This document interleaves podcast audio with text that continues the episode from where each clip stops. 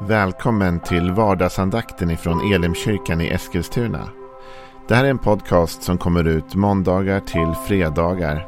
Om du vill veta mer om vilka vi är, vad vi tror på, hur du kan komma i kontakt med oss eller vad vi kan erbjuda dig för någonting så gå in på www.elimkyrkan.com.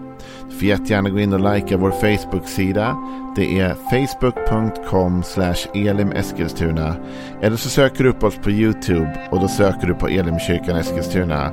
Vi vill jättegärna komma i kontakt med dig. Men nu lyssnar vi till dagens andakt.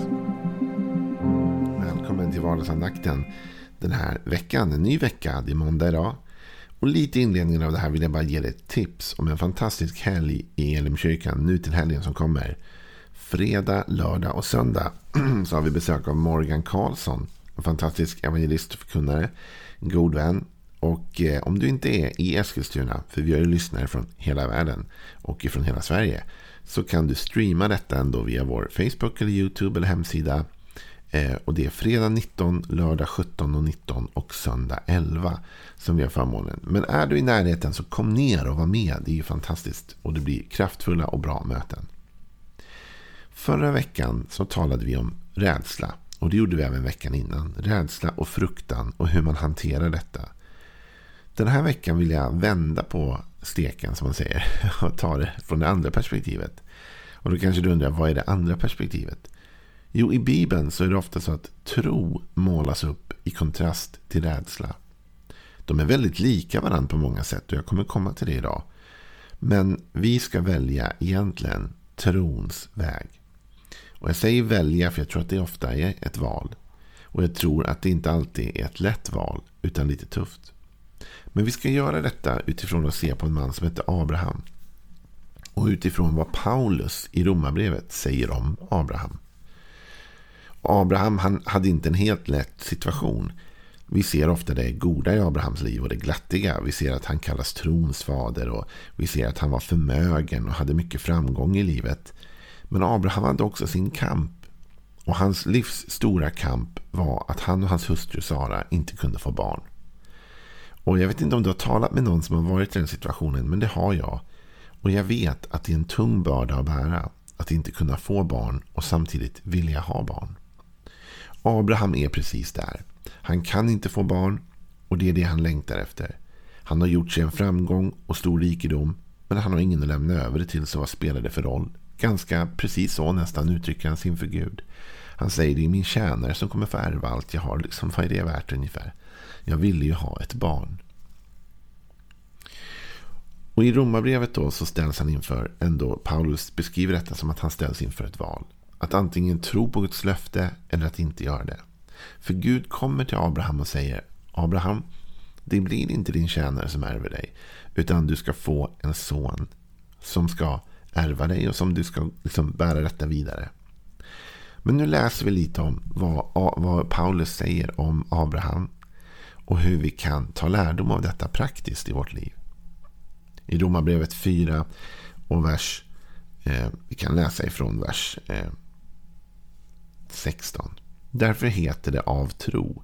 För att det ska vara av nåd och löftet står fast för alla hans avkomlingar. Inte bara för de som hör till lagens folk. Utan också för de som har Abrahams tro. Han är allas vår far. Som det står skrivet. Jag har gjort dig till far till många folk. Och det är han inför den som han trodde på. Gud. Som ger liv åt de döda. Och kallar på det som inte är som om det var till. Där hoppet var ute hoppades han ändå och trodde och blev så far till många folk som det var sagt. Så ska din avkomma bli.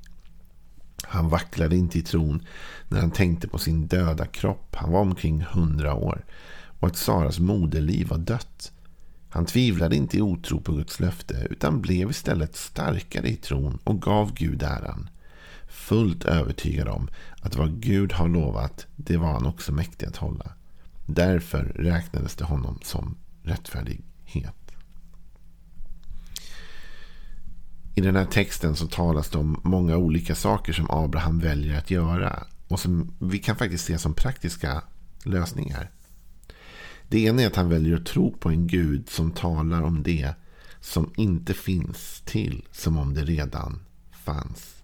Gud som ger liv åt de döda och kallar på det som inte är till. Som om det var till.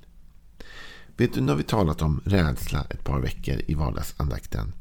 Jag vet inte om du har tänkt på det, men rädslan har också ett språk. Rädslans språk är väldigt likt trons språk. Det är bara det att man får vända på steken så att säga. För när man är rädd för något, då talar man också mycket om just det. Det kommer ut genom vårt tal. Jag kan ta ett lite banalt exempel, något som inte är liksom så seriöst. Tänk om du som pastor, då, om jag som pastor, bokar en gudstjänst, en friluftsgudstjänst utomhus. Och så bor vi ändå i Sverige så man är lite orolig för vädret. Och så tänker man, tänk nu har vi satsat så mycket på det här. Tänk om det kommer regna på friluftsdagen. Det blir förfärligt va. Och så växer de där tankarna inom en. Och till slut liksom så börjar man tala om detta. Ja, det blir säkert regn på den här friluftsgudstjänsten. Det vore ju typiskt, eller hur? Det kommer säkert regna och det är lika bra att vi letar upp paraplyerna på en gång och, och räknar med att det är. Eller har vi någon backup-plan? Och så börjar man tala ut sin oro över någonting man faktiskt inte ens har sett än. Man vet inte om det kommer regna än. Det är för tidigt att avgöra. Men man är redan orolig i sitt hjärta. Vet du att i motsatt effekt fungerar tron? Tron talar också om det den ännu inte har sett.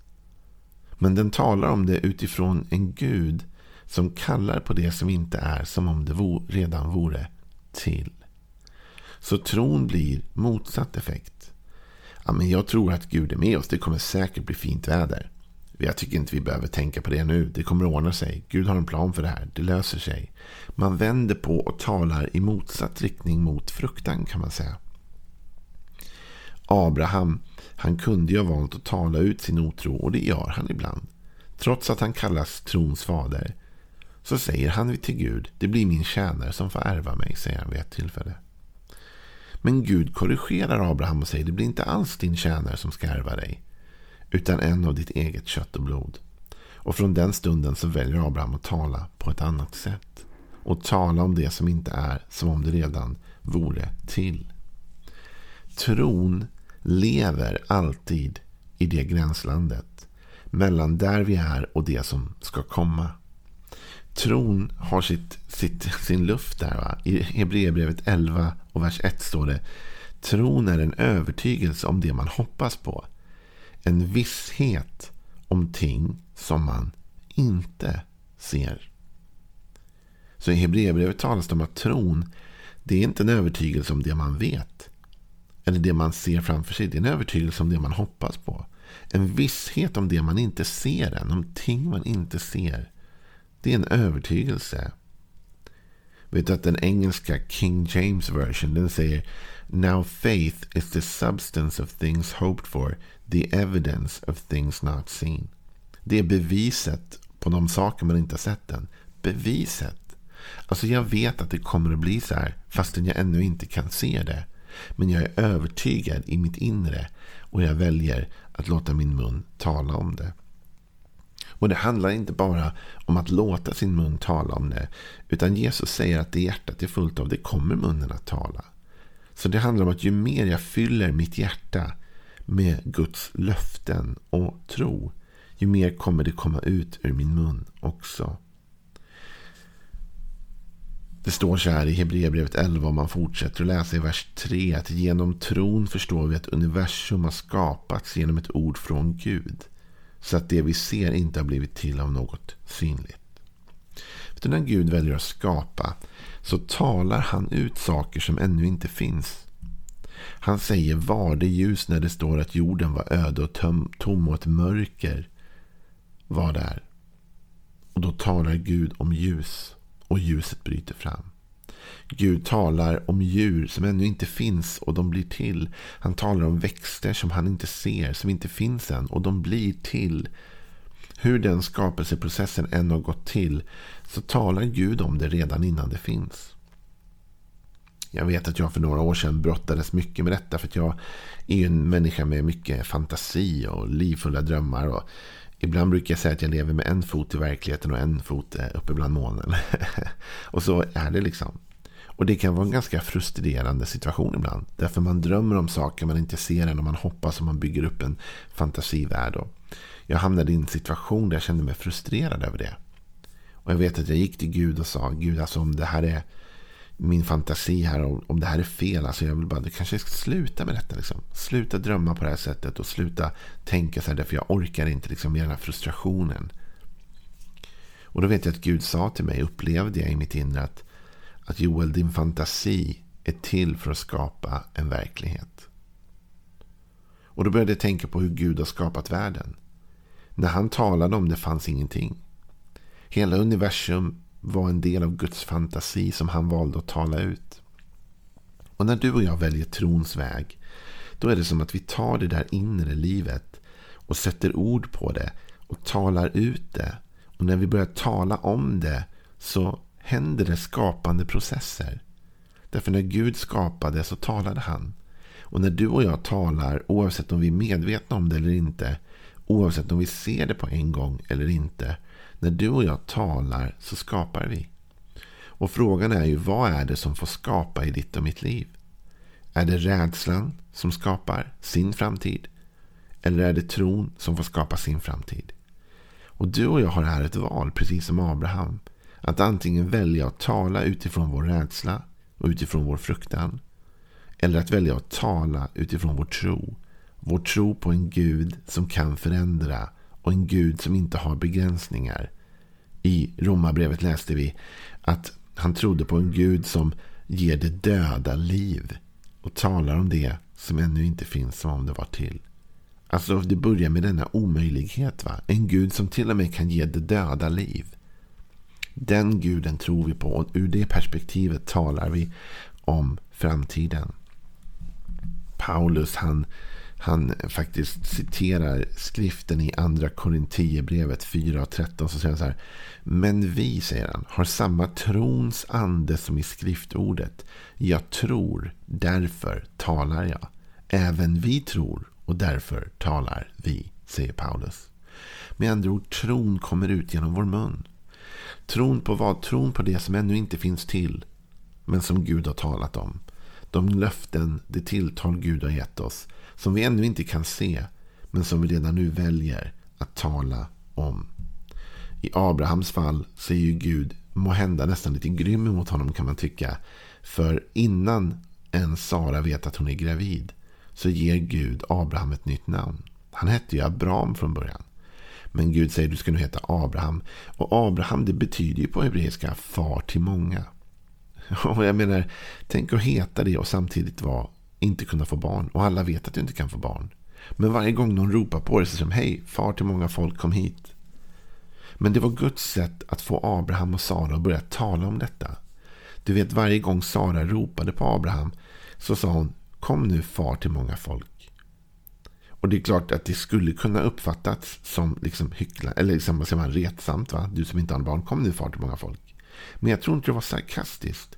Utan jag tror det mer blev en trons ord. Kom nu du far till många folk. Och varje gång de ropade så hörde han detta. Och det gick in i hans hjärta och det skapade en tro. Och när han började tala om sig själv. Hej, jag är Abraham, jag är far till många folk. Fast det fanns ju inga barn.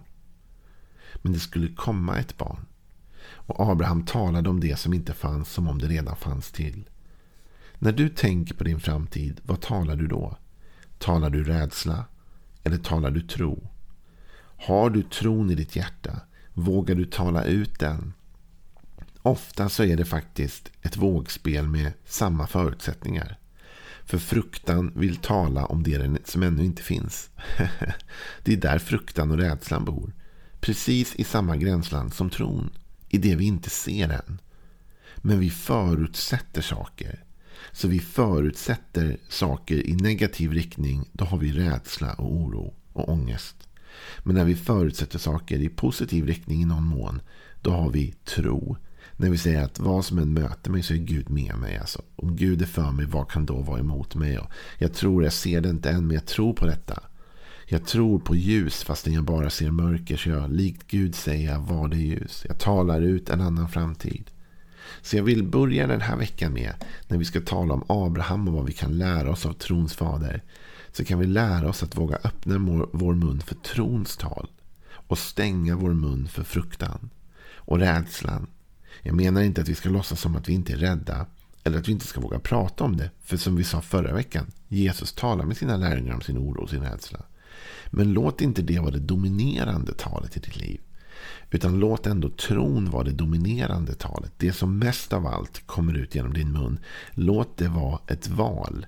Att se det goda i framtiden som ännu inte finns. Att tala ut hopp, tala ut liv, tala ut kraft, tala ut ljus om din framtid. Tala inte negativt om dina barns framtid. Tala positivt. Även om du känner oro kring dem eller du ser tendenser som inte är bra. Välj att tala liv och tala tro in i deras liv. I deras framtid. Välj att tala ut Guds löften över dem och tro på en bättre framtid. Låt oss börja där. Låt oss börja den här veckan med att kontrollera vårt tal. Att stänga för fruktan och öppna för tron. Så tror jag att vi kommer se nya dimensioner av skapande kraft i vårt liv. Ha en fantastisk dag. Imorgon fortsätter vi med mer av tro.